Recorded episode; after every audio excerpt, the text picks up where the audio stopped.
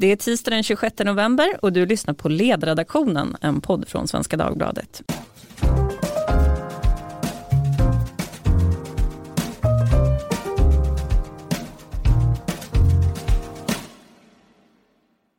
Jag heter Lydia Wåhlsten och idag ska vi prata om artificiell intelligens och hur mycket pengar som kommuner och regioner kan spara genom att göra exempelvis biståndshandläggning automatiserad. Biståndshandläggning det är ju ett väldigt tidskrävande jobb. Pappersansökningar ska granskas och som medborgare får man snällt vänta på att någon ska ta sig an just sin ansökan. Men genom ny teknik så kan den här granskningen göras av en algoritm och antingen kan den här algoritmen ta fram ett beslutsunderlag som en riktig människa sen tittar på och säger okej okay till eller så kan algoritmen fatta beslutet direkt på egen hand. En tjänst som vi alla nog har erfarenhet av och som använder sig av en slags sån här är ju bankerna när de gör sin prövning för att man ska få bolån.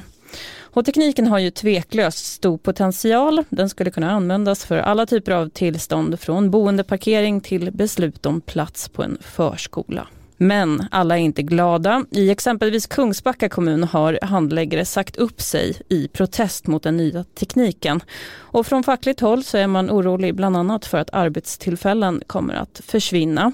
Samtidigt har alla som lyssnar på den här podden antagligen hört skriet från SKL om behovet av mer pengar framöver. Och man pekar ju på invandringen som kostnadsdrivande, men den stora utmaningen för Sverige är trots allt den demografiska utvecklingen. På 50 år har livslängden ökat med 11 år och samtidigt så föder vi inte tillräckligt många barn för att kompensera för utvecklingen. Så hur går arbetet med den nya tekniken i offentlig sektor? Och hur stor är egentligen besparingspotentialen? Och på vilken tidshorisont pratar vi? Det ska vi bena i idag och det gör vi tillsammans med Anders Ekholm, senior rådgivare på Institutet för framtidsstudier med en lång bakgrund i offentlig förvaltning, bland annat som analyschef på Socialdepartementet. Med mig har jag också Mattias Sundin, grundare av Warp Institute som rådger företag i digitaliseringsfrågor. Välkommen Mattias. Tack så mycket. Mitt emot mig sitter också Magnus Kolsjö, utredare på fackförbundet ST som samlar anställda i staten. Och du kommer också från konferensen Internetdagarna som pågår just nu. Mm. Vad händer där? Där pratar man eh, bland annat idag om artificiell intelligens och ska senare i eftermiddag ta upp också vad händer om vi ger alla pengar till maskiner så att de får fatta besluten. Ja, just det. Så människan blir överflödig. Det känns en bit bort ändå. Och eh, min första fråga till panelen idag låter så här. Går utvecklingen mot digital handläggning för långsamt i offentlig sektor? Anders? Ja. Magnus? Nej. Mattias? Ja. Då vill jag höra nejet först. Jag tror tekniken går ju oerhört fort. Men lagstiftningen går långsamt och lagstiftningen måste få tid att komma ikapp. Och där har ju politikerna en hemläxa att göra. Anders, du säger att den går för långsamt? Ja, det är av massa olika skäl. Lagstiftningen är ju jättelångsam och um, behöver komma ikapp, det är helt korrekt. Men sen är det ju det normala, det är svårt att eh, införa nya sätt att arbeta på ett arbete. Det spelar inte så stor roll om vi pratar spinningfabriker som gjorde textil på 1700-talet i Frankrike eller om vi pratar offentlig handläggning i Sverige idag. Så, att säga. så det, det, är svårt, det är de bra skälen till varför det går långsamt. Och sen så har vi ganska mycket också motstånd, vi har status quo som människor. Mm. Mattias? Ja, jag tycker det um, går för långsamt. Um, när man ser positiva um, exempel så, så tycker jag man borde vara mycket snabbare på att implementera det på, på andra, uh, andra kommuner och, och landsting och, och, och, så. För det här är någonting som Eh, gör saker eh, kanske mera kostnadseffektiva men inte minst eh, bättre för medborgarna. Eh, jag, köpte, jag och min fru köpte nyligen en elbil och eh, då kan man när man installerar laddboxen så kan man få eh, stöd på halva den kostnaden. Och då knappade jag in sent på kvällen på Naturvårdsverkets hemsida, fyllde i de här uppgifterna. Så redan på morgonen i mejlen så låg det ett godkännande av det här. Jag tänkte vad tusan, inte sitter de och jobbar mitt i natten och godkänner sådana här. Jag hade ju tänkt mig vänta flera veckor på det här. Ehm, så jag ringde faktiskt upp dem och frågade ehm, och då sa de att det är automatiserat. Ehm, det är någon människa som eh, godkänner det till slut och bara tittar på det så att säga, men en dator har gjort jobbet redan. Så sådana beslut tycker jag, eh, alltså sådana, det är jättebra för mig som medborgare men det är ju eh, spara skattepengar och, och massa arbete eh, för dem på myndigheten också. Jag tänkte ju att vi ska försöka bena i hur mycket man kan spara egentligen. Och eh, Anders, Institutet för framtidsstudier släppte förra året rapporten Förbjuden framtid. Och då försöker ni ju uppskatta den här besparingspotentialen för digitalisering och så ger ni ett räkneexempel. Ni säger att det är väldigt, väldigt svårt att göra det här. Men ni ger ett räkneexempel och säger om vi skulle gå tillbaka till det antal administratörer som vi hade för tio år sedan så skulle vi kunna öka antalet vårdbiträden med 40 procent. Kan du utveckla det där? Ja, det gäller ju bara i kommunsektorn helt enkelt. För det, det heter ju den förbjuden framtid, den digitala kommunen. Eh, ja, men det, det, är ju gangsterkalkyler det här, men bara för att liksom förstå någonting om, om är det stort eller litet, spelar det någon roll eller inte? Och då ser man då enligt SKLs egen statistik, novemberstatistiken som den heter, att antalet helårsekvivalenter som chefer eller administratörer har ökat med 10 000 personer. Och så tar vi genomsnittlig lön helt enkelt och så tar vi genomsnittlig lön för vårdbiträden och så räknar vi ut det där helt enkelt. Det är ju inte sant förstås, utan det, det är liksom en lång rad andra saker som måste till. Och framförallt kommer vi inte hitta de där vårdbiträdena för de finns inte.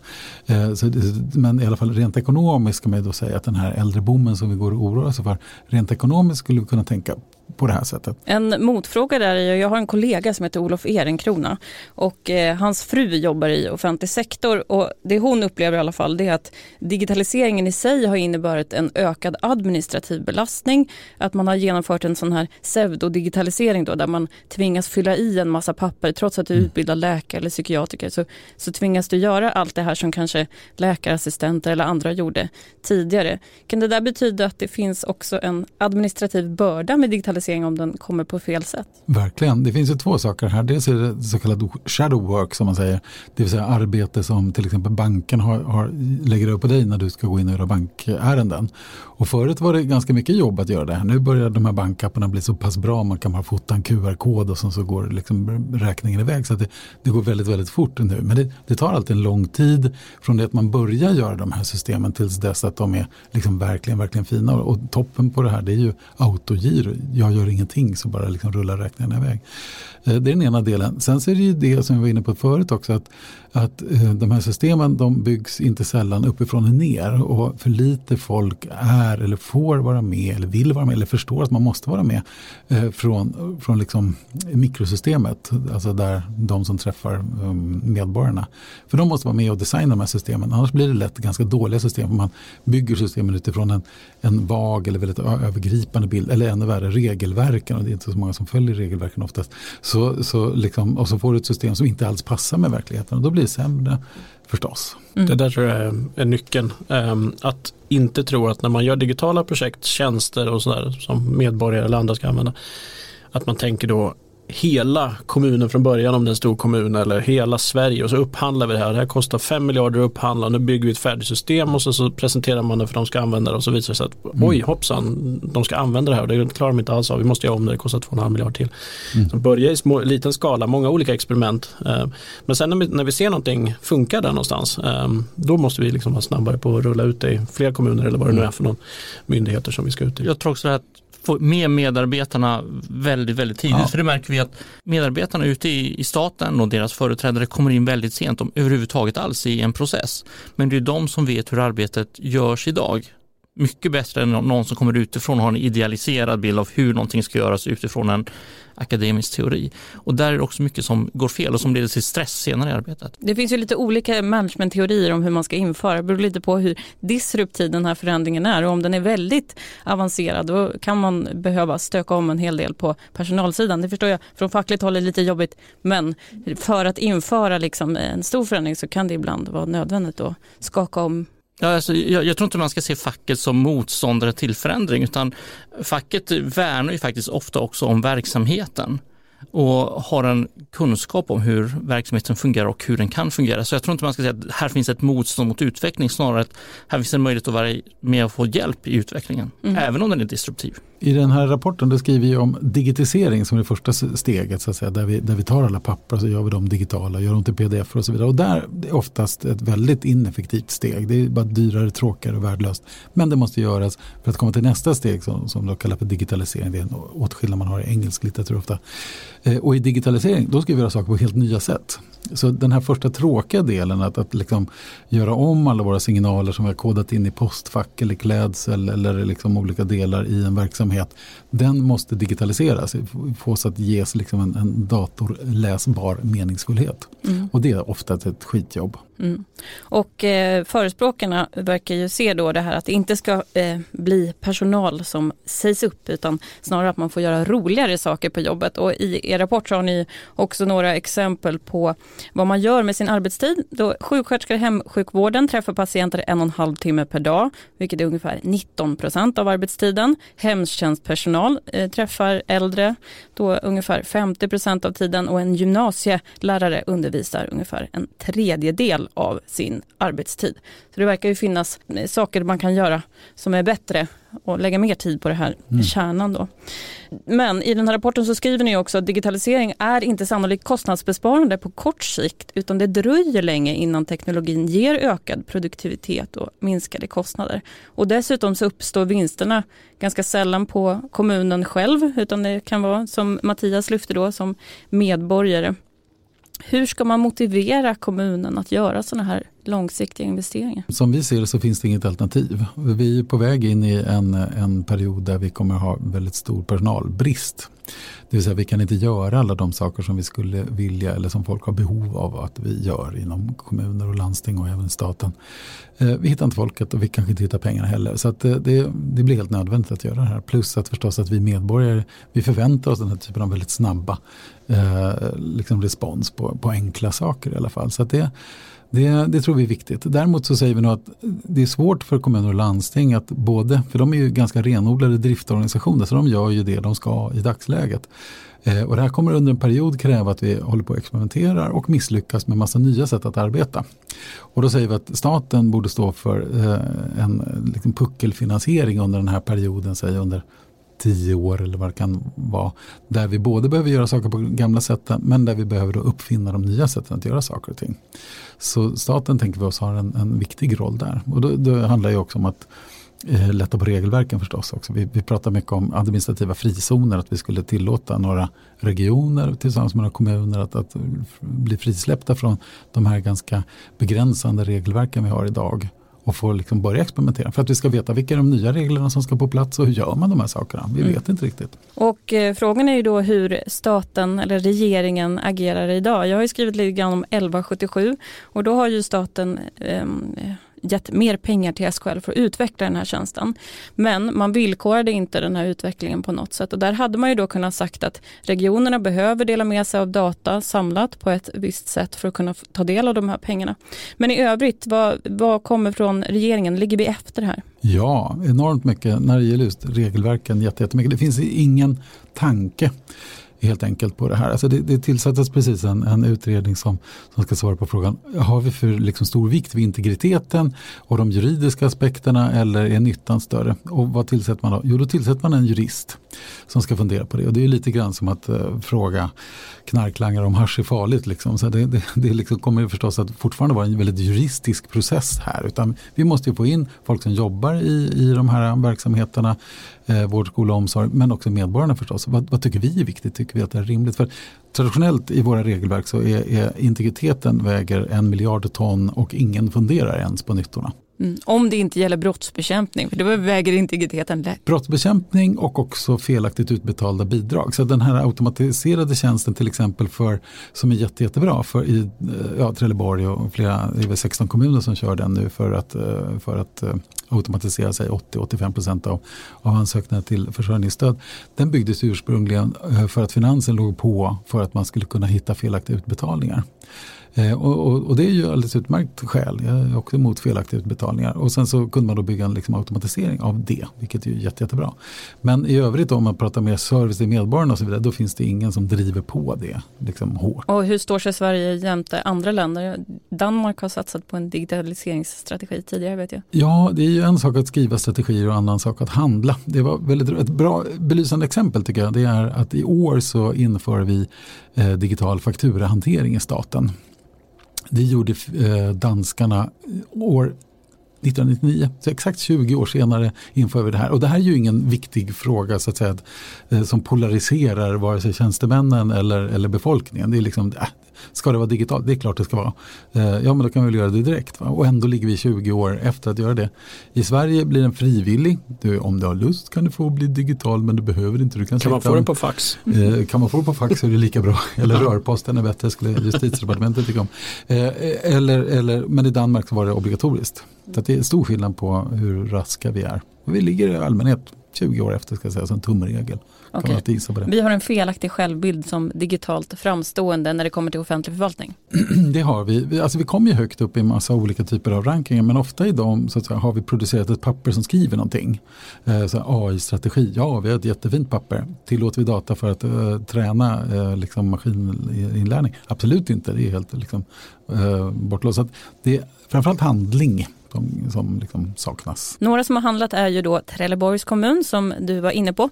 Systemet som vi pratar om heter SSBTEK och det är nästan bara det offentliga som kan utveckla en sån här konstig akronym. Det står för sammansatt bastjänst för ekonomiskt bistånd. Och Mattias, jag tänkte be dig att berätta om vad är erfarenheterna från Trelleborg nu när roboten Ernst sköter 85 procent av kontrollerna för bistånd? Ja, som jag förstår det så har det varit eh, väldigt lyckat eh, och det sprider sig nu som du sa Anders till flera, flera andra eh, kommuner redan. Men det i alla fall det sprider sig, det tyder på att det var, var lyckat eh, och att personalen har kunnat lägga mer tid på att faktiskt ehm, träffa människor och prata med dem om deras problem eh, och, och, hjälpa dem eh, med sådant. Ehm, jag försöker febrilt minnas, vi eh, hade en meetup igår med Anders Ygeman och då pratade vi just om Trelleborgs eh, kommun och eh, om det är någon här som kan korrigera mig eller om Ygeman får ringa in i efterhand och korrigera mig så, så har jag för mig att han sa att, att eh, Eh, nu kan man lägga 60% av, eh, eller 60% mer av, av tiden på eh, att träffa människor istället för att sitta och hantera eh, papper, utvärderingen i, i, i Trelleborg. Men jag tycker också man har gjort en väldigt bra grej att man faktiskt har kopplat in forskning här så att man har, det är väl två forskningsrapporter på på Trelleborg. Hur, det, hur det har gått och tagits emot och man har eh, intervjuat eh, både chefer och, och, anställda som har jobbat med det, med det här. Så det är ett jättebra sätt att liksom verkligen titta på när man experimenterar och testar någonting nytt. Ehm, förankra det i forskning och så kan man verkligen se, okej okay, här gick det lite snett, då gör vi bättre till de här kommande eh, kommunerna. Mm. Jag läste faktiskt lite grann i Flamman av alla tidningar om just den här eh, forskningsrapporten som har genomförts. Och det lyfte en fråga som är ganska viktig och det handlar ju om vad är det för kunskap som en sån här algoritm sitter på? Och min fråga är då hur, hur kan den hantera så kallad tyst kunskap, alltså kunskap som sitter i väggarna men som inte nödvändigtvis låter sig bli ettor och nollor? Det är ju det som är själva poängen med den här, med den här typen av eh, maskininlärning. Att den hittar mönster i eh, hur, det här funkar. Eh, så att en del av den tysta kunskapen kan man också, som man då inte har variabler på, kan man hitta. För, eh, för den tysta kunskapen borde ha någon koppling till någon av variablerna. Är det tyst kunskap som inte har koppling till någon av variablerna, då är det förstås jättesvårt att, att göra det. Mm. Och vissa säger då att diskriminering till exempel då skulle eh, avmänskligfieras och kodifieras in i en sån här algoritm. Finns det någon fog för det? De här beslutsfattande maskinerna kommer inte bli bättre än de beslut som vi historiskt har fattat som vi har data på. Så att den kommer ju inte bli mer eh, diskriminerande än vad, vad handläggarna är i dagsläget.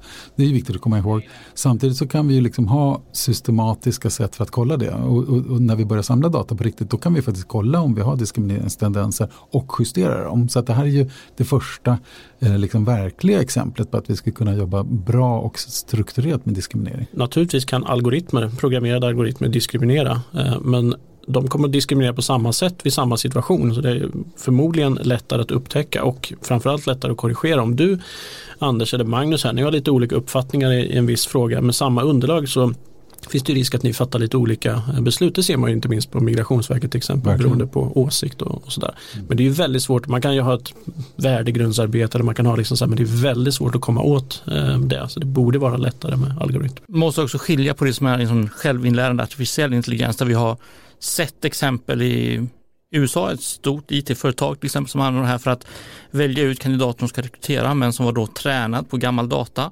Eh, vilket gjorde att eh, sånt här där det stod Women's College eller Women's Groups eh, togs bort för man hade inga tidigare framgångsrika rekryteringar som använde de orden och vilket då diskriminerade kvinnor. Och det har sett liknande saker inom eh, när man ska ge krediter och lån. Men det man använder här i, i Trelleborg det är ju inte en, en, en, AI, det här är ju en robot som är liksom förprogrammerad att följa vissa steg och räkna ut vissa matematiska formler. Så att där är ju i så fall ifall programmeraren har lagt in någonting som är diskriminerande så blir det diskriminerande men det är ingenting som den lär sig efterhand. Eller lagstiftningen. Ja, eller lagstiftningen, precis. Magnus, jag tänkte att du ska få prata lite om de funderingar du har kring användningen av sån här teknik och jag läste då en länk som du skickade mig som handlade om GDPR och om den inte sätter käppar i hjulet egentligen för ett sånt här automatiskt förfarande. Och man pratar då bland annat om meningsfullt mänskligt ingripande. Kan du utveckla? Jag tror att för kommuner sätter det definitivt käppar i hjulet för att där finns ett, ett grundläggande krav från GDPR att du ska ha stöd i lagstiftning för att fatta automatiserade beslut och det saknar kommuner. Eh, för kommuner löser ju, alltså i kommunallagen det här att det är en människa som stämplar pappret när det kommer ut ur, ur maskinen. Och det är okej okay i kommunallagen, men enligt GDPR så krävs det här meningsfullt mänskligt ingripande, att en människa fattar liksom beslutet, analyserar innehållet, kommer fram till en slutsats och sen beslutar. Så att där tycker jag nästan det är märkligt nu när det här växer så mycket att Datainspektionen inte är inne och tillsynar på detta och ser, följer vi här ett regelverk som är? Här är det jättemånga människor vars integritet och rättssäkerhet kan stå i fara. Eh, men man har ägnat sig åt att eh, slå ner väldigt hårt på ett litet experiment i en kommun som gör det, rår ett fåtal individer med ansiktsigenkänning. Man kan undra om man prioriterar resurserna rätt. Men vad är det bredare problemet då i det här förutom juridiken? Ja, det bredare problemet är ju integritetsskyddet. Eh, och det är det som dataskyddsförordningen sätter upp. Att för det första så ska du ha rätt att få veta vad är logiken bakom. Varför kommer man fram till det här beslutet? Eh, någon sån möjlighet finns inte i Sverige idag. Du ska också ha möjlighet att kräva ett mänskligt ingripande och säga att en människa, jag vill faktiskt att en människa tittar på det här för jag litar inte riktigt på detta. Och det ser vi också från Göteborgs universitet som eh, säger att ungefär 60 procent tror att datorer är sämre på att fatta beslut än människor. Så det finns en oro och, och det urholkar förtroendet för förvaltningen. Eh, så därför är det viktigt att de här mekanismerna finns på plats. Skulle du vara nöjd om du, du kunde få fram den här typen av information som medborgare då att jo men algoritmen bygger på de här, de här premisserna 25 sidor med väldigt litet typsnitt. De här rättigheterna man kommit fram till, att jag måste förstå varför vi får ett beslut. Alltså det är likadant i, idag när du får ett beslut, särskilt ett beslut som är negativt, så har du en rätt att få en motivering. Och det är ju det som den här liksom, beskriva logiken lite grann handlar om. Hur du kommer fram till detta. Och det behöver inte vara 20 sidor utan det ska vara någonting som du förstår. Alltså, det här är den informationen vi har grundat besluten på och så här ser formen ut. Precis som du ser din skatteuträkning när du gör din deklaration. Det är ju en typ sån, här ser du liksom logiken, du får hela uträkningen, så plus och minus och så landar i detta. Eh, och det är det här som behöver finnas på plats och det handlar ju om om en rättssäkerhet, att förvaltningen måste fungera på ett förutsägbart sätt. Det ska vara lika för alla och du ska veta vart du ska vända dig om du har några synpunkter på att det här blev inte bra. Mm. Och det saknas. Jag kommer att tänka på när jag var i min ungdom och hade jätterostiga bilar. Eh, och då var det ju fint för då var ju bilprovningen inte ihopkopplade. Så att fick jag en, tvåa på, på ena i Högdalen då åkte jag bara till Säter och så gick den igenom. Eh, gick den inte igenom där åkte jag till nästa. Det funkar i princip alltid. Det vill säga rättssäkerhet när vi har människor involverade är en slumpprocess. Vi, vi, det finns liksom ingen rättssäkerhet egentligen. Och, och det, varje gång man har till exempel tittat på hur domstolar eh, väljer att, att, döma folk och så vidare så är det stora skillnader mellan olika domar på samma domstol, mellan olika tingsrätter och sådana saker. Före och efter lunch. Före och efter lunch till exempel, ett berömt exempel i Daniel Kahnemans bok om, om israeliska domar. Så att, så att rättssäkerhet eh, kan man nog vara säkrare på när vi har maskin, maskiner som gör de här bedömningarna lagstiftningen. Sen så hamnar vi alltid i, i eh, andra saker där vi har motstridiga lagstiftningar. Vi ska bedöma, är det här tyngre eller, eller lägre? Igen, har vi bra data skulle vi kunna träna en maskin på det. Har vi inte bra data kan vi inte träna en maskin på det och då så vi, kan vi göra saker. Men det är ju ingenting som säger att vi inte kan överklaga till exempel maskinfattade eh, beslut, vilket vi ju kan. Eller snarare det är förbjudet med maskinfattade beslut i, i kommunerna. Men, men så att de är maskin, eh, liksom, eller men, människor som gör de där. Men jag tror det, det viktiga här som du säger, det är ju meningsfull mänsklig bedömning. Folk gör ju en jävla massa meningslösa, liksom bara, eh, man håller på och följer liksom algoritmer egentligen. Det vill säga vi använder, vi programmerar människorna i deras liksom yrkesvardag att vara som maskiner. Och det leder till ganska tråkiga beslut.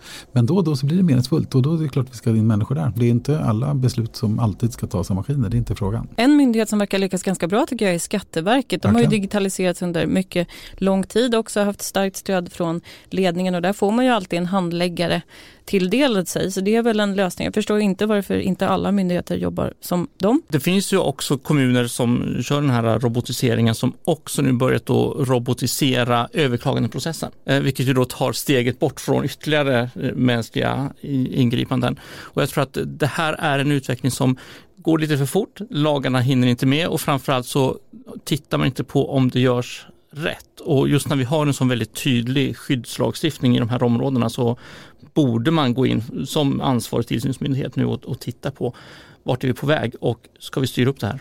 Problemet är ju att det är först nu man tittar på om överklagandeprocessen görs rätt. Den har ju liksom så här låtit bara löpa i största allmänhet. Ingen vet riktigt vilken precision vi har i beslutsfattandet.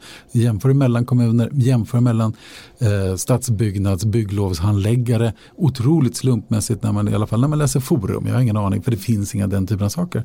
Så en, en god sak här det är ju plötsligt att man börjar ifrågasätta eh, liksom, rättssäkerhet. Men, men först när man gör maskiner. Men vad man måste jämföra med det är hur ser det ut med den manuella handläggningen och jämföra med maskinerna. Och inte, för ofta så tänker vi oss att människor är hundraprocentiga eh, och så inför vi en maskin som bara är 70-procentig. Inte sällan visar det sig att, att människorna kanske var 50-procentiga så vi fick ändå en, liksom, en höjning av, av kvaliteten. Vad det, nu kan vara. det, där, det där tror jag är en, en nyckel när man tänker på ny teknik överhuvudtaget. Um, vad det nu än är, om det är självkörande bilar, då tänker man att när vi ska ha självkörande bilar när de är perfekta. Kör de ihjäl en enda människa, upp, upp, upp, bromsa här nu, stoppa, stoppa, stoppa. Ja, men det dör 1,3 miljoner människor per år i människostyrda eh, bilar till exempel. Så man måste verkligen utgå från verkligheten. Hur funkar det idag? Är det här bättre eller sämre? Är det sämre än den verklighet vi har idag? Ja, men då ska man naturligtvis bromsa och fundera och göra om. Eh, men, eh, och det är därför jag Eh, och det är där vi jobbar mycket med med Warp och liksom ändra de här eh, attityderna ehm, Eh, inte låtsas som att dagen eh, där vi har idag är perfekt eh, och den nya tekniken, de brister den har, det måste vi först korrigera eh, allting. Ehm, utan utgå från den verkliga verkligheten och, se vad, vad som kan förbättras med ny teknik. Jag måste också säga att det finns beslut som lämpar sig ganska bra att automatisera där ju till exempel ekonomiskt bistånd är en sån sak för det bygger på saker du kan räkna ut, skattebeslut är likadana.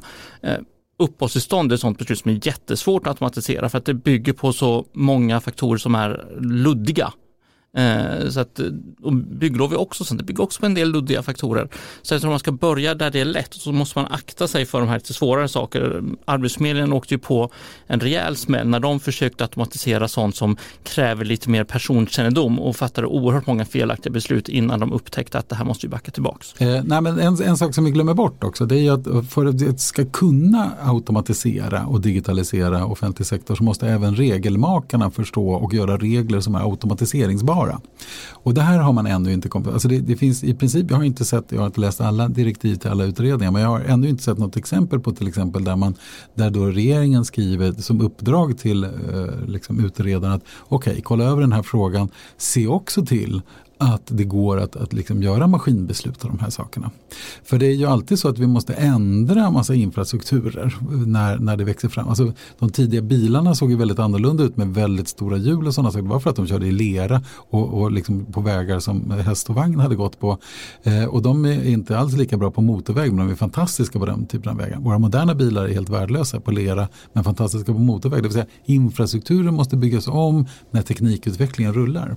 Och det här igen då så så, så förutom att, att liksom lagstiftaren inte hänger med så är det dessutom så att man inte har förstått ens att man måste göra om regelverken så att de är maskintolkningsbara. Om vi kommer tillbaka lite grann till sjukvården så funderar jag på det här med journalhantering då, eftersom att jag skrivit om 1177. Och I praktiken så är det så att eh, alla regioner delar med sig av olika data och det går inte att få en överblick som eh, patient. Varför kan man inte äga sin egen data och om man gjorde det, skulle det lösa några av de här problemen? Alltså I Europa så är den grundläggande tesen som hela dataskyddsförordningen bygger på att data kan inte ägas för att data är en del av dig själv som person. En del, precis som du kan inte äga en människa så du kan inte heller äga persondata för det tillhör personen. Men här har vi då en massa lagar som inte riktigt latchar på det sättet utan man tänker att det här är sjukvårdens data, det här är statens data, det här är kommunens data. Men så är det ju inte. De har ju fått dem till låns och behöver hantera dem därefter. Så att det här borde gå att lösa men det är jättesvårt för att inte också skapa svårigheter och hinder i liksom mm. framställandet av välfärdstjänster och framställandet av god vård. Fast jag tänker mig också att eh, till exempel, tänk, jag, jag går till en vårdcentral och har ett möte med en, en diabetessköterska. Eh, då är det ju vi två som delar den data om det här mötet, det vill säga diabetessköterskan och jag. Så det är liksom två stycken som är, tycker jag, legitima ägare av vad som händer där. Men en tredje eh, legitima ägare är också de skattebetalare som betalade hennes lön under tiden, det vill säga ni andra som inte var med på det här mötet. Ni vill ju att det ska bli forskning, att det ska bli utveckling, det ska bli lärande. Så jag tycker inte att det är så lätt att säga att, att enstaka individer äger sina egna data när det gäller den här typen av saker. Sen finns det oerhörda gränser och massa skojiga saker vad som händer när vi ska prata hälsa. Nu pratar vi bara sjukvård, inte hälsa. Hälsa är mycket värre. Då ska vi börja prata om drogmissbruk, sexuella preferenser och lång rad saker som är extremt känsliga och där ska vi nog ta till blockchain snarare än offentliga register. Men det verkar ju vara så att vissa offentliga register fungerar väldigt bra. Jag tänker på apoteken och recepthanteringen. Du får ett recept utskrivet av en läkare och sen så finns det tillgängligt hos precis alla apotek. Vad kan man lära sig av det där då? Ja, det är ju en gammal statlig eh, myndighet helt enkelt som, som gjorde det här på, på 70-talet när vi fortfarande hade en stat som funderade på eh, systemeffekter och holism. Så det är ju en gammal kvarleva. Helt enkelt. Så då gjorde vi det på det sättet. Skattemyndigheten är samma sak som liksom en monopolmyndighet som har, har tänkt lite mer av slump. Och, och lite, egentligen så nästan alla utvecklingssteg som Skattemyndigheten har tagit under, det är säkert 30 år nu, har man ju gjort eh, nästan i strid med liksom, regeringen och regeringskansliet. Man har ju bett om lov, kan ni ändra de här reglerna? Nej, de är så bra de här reglerna. Och sen så har sakta men säkert har de liksom tvingat fram utveckling. Så det, det är väldigt lite utveckling som sker så att säga, uppifrån och ner utan det är underifrån och upp och det ser vi i alla andra branscher också. Mm. Och sen som jag kommer ihåg, det där är också bara en väldigt liten begränsad del för det handlar just om att du kan se receptet. Du kan inte inom hela vården se all förskrivning och än mindre alla ordinationer som är medicin du får på sjukhuset men som du inte hämtar ut på, på apoteket. Så att man har klarat en liten, liten bit och så känner man sig jättestolt över det. Jag tror man ska säga att vi klarade alldeles för lite så ska man känna sig lite missnöjd. För att komma tillbaka till dagens stora fråga så pratar vi ju alltså om hur mycket offentlig sektor, kommuner och regioner kan spara på digitalisering. Och digitalisering är ju inte ny på något sätt men produktivitetsutvecklingen har inte riktigt hängt med trots att vi har fått så bra datorer och sådär. Vad är det som säger att även om regionerna skulle göra sitt absolut bästa nu för att få så mycket digital teknik som möjligt att vi faktiskt skulle kunna växla in det då i antingen högre produktivitet Alltså lägre kostnader eller mer effekt? Ja, men eh, Halland skulle jag säga är den region som ligger först fram och de har nog faktiskt gjort det. De har inte alls samma typ av ekonomiska problem som de andra regionerna och de, de liksom jobbar väldigt strukturerat. Så att, så att gör man inte bara sitt bästa utan ännu bättre så, så finns det mycket att göra. Det svåra är vinsthemtagning, alltså att, att verkligen eh, göra sig av i så fall med personal man inte behöver eller om, om utbilda dem eller vad man nu behöver göra. Och göra om framförallt sina processer så att de passar de här nya digitala systemen. Och jag tror också att det här är viktigt att hålla isär, liksom den kommunala och regionala sektorn å ena sidan och staten å andra. Alltså statliga myndigheter har haft effektiviserings och produktivitetsökningskrav på sig sedan eh, mitten av 90-talet och haft en produktivitetsutveckling som ligger i linje med den konkurrensutsatta tjänstesektorn. Eh, den regel, som de reglerna har man inte riktigt haft på den kommunala sidan och, och där kanske man behöver titta lite mer på att styra upp det regelmässigt medan man på den statliga sidan snarare borde gått motsatt håll. För nu händer det så mycket på produktiviteten i tjänstesektorn som staten inte kan göra. Du kan inte lägga callcenters i Thailand för att komma undan liksom jobbiga tidszoner och sådär. Eh, så där måste man liksom ta hänsyn till det och se liksom ratta kanske åt andra hållet och sen skruva upp det på den kommunala sidan. Som gammal eh, kommunpolitiker så tror jag just det är, det, det, där kommuner och regioner är jättedåliga på liksom att tänka i investeringar. Om vi investerar 100 miljoner här så kan vi få mycket effektivare och det kan man få. Den investeringen kan man göra om man kan till och med räkna på effekten här i om man kan spara pengar. Sen ska det sparas också. Sen ska man säga upp personal eller man ska flytta pengar någon annanstans eller ja och så vidare. Och då är det inte lika kul. Hoppsan, nu blir det val, då kan vi inte sparka någon. Eller vad det nu är för någon eh, situation som som, uppstår. Eller det blir allmänt liksom motstånd till att göra förändringar. Och sen helt plötsligt så har man den här investeringen som visserligen kanske då var bra i sig men det fick inte riktigt de här effekterna som man eh, tänkte på. Ofta när man pratar om investeringar i kommuner så är det ju kostnader som man tillför. Det är inte en investering som ska leda till en return on investment. Så eh, det, det, är liksom ett politiskt eh, problem eh, att räkna hem, ehm, räkna hem de här ehm, grejerna och då måste det finnas liksom press utifrån att liksom granska det här och, och så förstås. Mm. Och konkurrens och det kommer ja. väl nu bland annat med digitala vårdgivare till exempel som verkligen har eh, motiverat regionerna att själva sitta och utveckla de här typerna av modeller. Jag såg i den här rapporten så var det en jämförelse också med finansbranschen, hur mycket de lägger på IT-utveckling och då var det fem gånger så mycket då budgetmässigt relativt vad kommunerna lägger. Man kan väl säga det att eh, man pratar mycket om digitalisering i kommuner och regioner, landsting förut som det heter. Men, men nivån som man lägger på IT är i princip samma. 2,7 procent. Ja, så i praktiken så är det ingen skillnad. Det är mycket varmluft då, kan vi säga så? Eller är det gratis arbetskraft som vi inte ser i, i statistiken? Ja, och sen så ser vi inte riktigt alla saker heller för det, det är mycket ut, liksom lokaliserade budgetar som inte liksom kommer att, eh, att eh, redovisas. Så kanske skifta det här då med de här stora upphandlingarna av helt nya liksom, informationssystem som nästan alla regioner håller på med. Mm. Men sen tycker jag, för att säga någonting positivt om, om kommunerna här, så tycker jag det finns ett stort intresse hos många kommuner, hos personalen, framförallt på välfärdssidan eller liksom äldreomsorg och så vidare. Man är väldigt eh, jag hade då fördomar och tänkte att eh, när vi har, i Warp pratade i sådana sammanhang så tänkte, tänkte jag att det kommer vara större motstånd här. Men man hade kommit mycket längre i tanken än vad jag hade tänkt kring eh, också hur det, eh, kanske inte så mycket kring kostnadsbesparing men framförallt hur det skulle kunna öka eh, kvaliteten och mm. att man eh, integritetsaspekter, att man om man kan få hjälp av en maskin eh, och, och, duscha sig så är det mycket bättre än att någon människa måste stå där och titta på eller torka en och, och så vidare. Mm. Sådana aspekter. Så det tyckte jag var väldigt, väldigt positivt och det var inte cheferna som satt och hade varit på en kurs och tyckte att det här var kanon utan personal på, som, som jobbade ute i verksamheten. Ja, man får inte glömma det, det händer faktiskt jättemycket och väldigt positivt på både kommuner och landsting och även massa myndigheter. Så det, jag tror att det egentligen är på gång och så får vi lite kris här, det blir bra. Mm. Ekonomisk kris som kan elda på den här digitala och, utvecklingen. Och demografisk kris. Och den också som vi inledde med. Jag tänkte dela ut lite roller här som envåldsbestämmare. Om ni blir enväldiga digitaliseringsministrar som inte behöver ta hänsyn till politiska realiteter som till exempel SKL eller det kommunala självstyret. Vad är det första som ni skulle göra? Alltså, jag skulle ju omedelbart trampa in på justitieministerns område och så ska jag säga, vi behöver ta tag i våran grundlag för att den bygger på att förvaltningen sker på papper och att vi löser samhällsproblem som var viktiga under kalla krigets dagar. Man har ju utrett det här med digitalisering, ska vi jämställa digitalisering med papper? har man utrett ett antal gånger sedan början av 70-talet. Och då sa man nej i början på grund av integritet och rädsla för ryssarna. Och sen har man bara sagt nej för att ja, orkar inte just nu. Och det är dags att förändra och inte bara att göra en jämställd papper utan säga att idag sker faktiskt den offentliga förvaltningen genomförs digitalt. Och då måste också våra grundlagar avspegla det för annars kommer vi aldrig få ordning på detta. Mattias? Jag skulle säga att eh, till alla myndigheter statliga eh, kommunala landsting. Ehm, jag skulle säga att eh, den 1 januari 2021 ehm, då kommer jag förbjuda ehm, alla gamla legacy-system som är inrättade på 80-talet, faxapparater och allt sånt där. Det kommer, ni kommer inte få använda, det, ni kommer ha grova fängelsestraff om ni använder dem.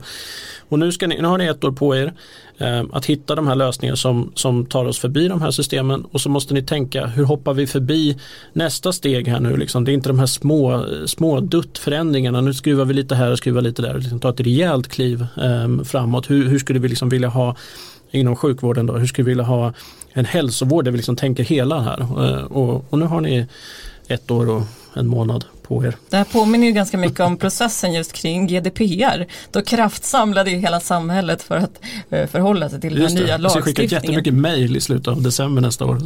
Sverige är väldigt bra på, Sverige är väldigt bra på byråkrati, så om vi bara kan formulera det här tillräckligt byråkratiskt så kan vi nog lösa det. Anders, då får du avsluta idag. Oh, vad härligt. Jag skulle bygga på, stå på giganters axlar, det vill säga alla era saker som ni redan har gjort, så skulle jag införa två stycken eh, regler. Den ena är alla ledtider ska halveras varje år.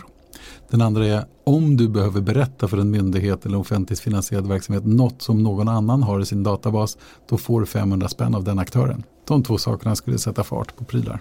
Och eh, det är vårt medskick till regeringen för idag. Jag säger stort tack till Anders Ekholm från Institutet för framtidsstudier, Mattias Sundin från Warp Institute och Magnus Kolsjö från fackförbundet ST. Om ni har åsikter om dagens podd så hör ni av er som vanligt på ledarsidan svd.se. Tack för idag.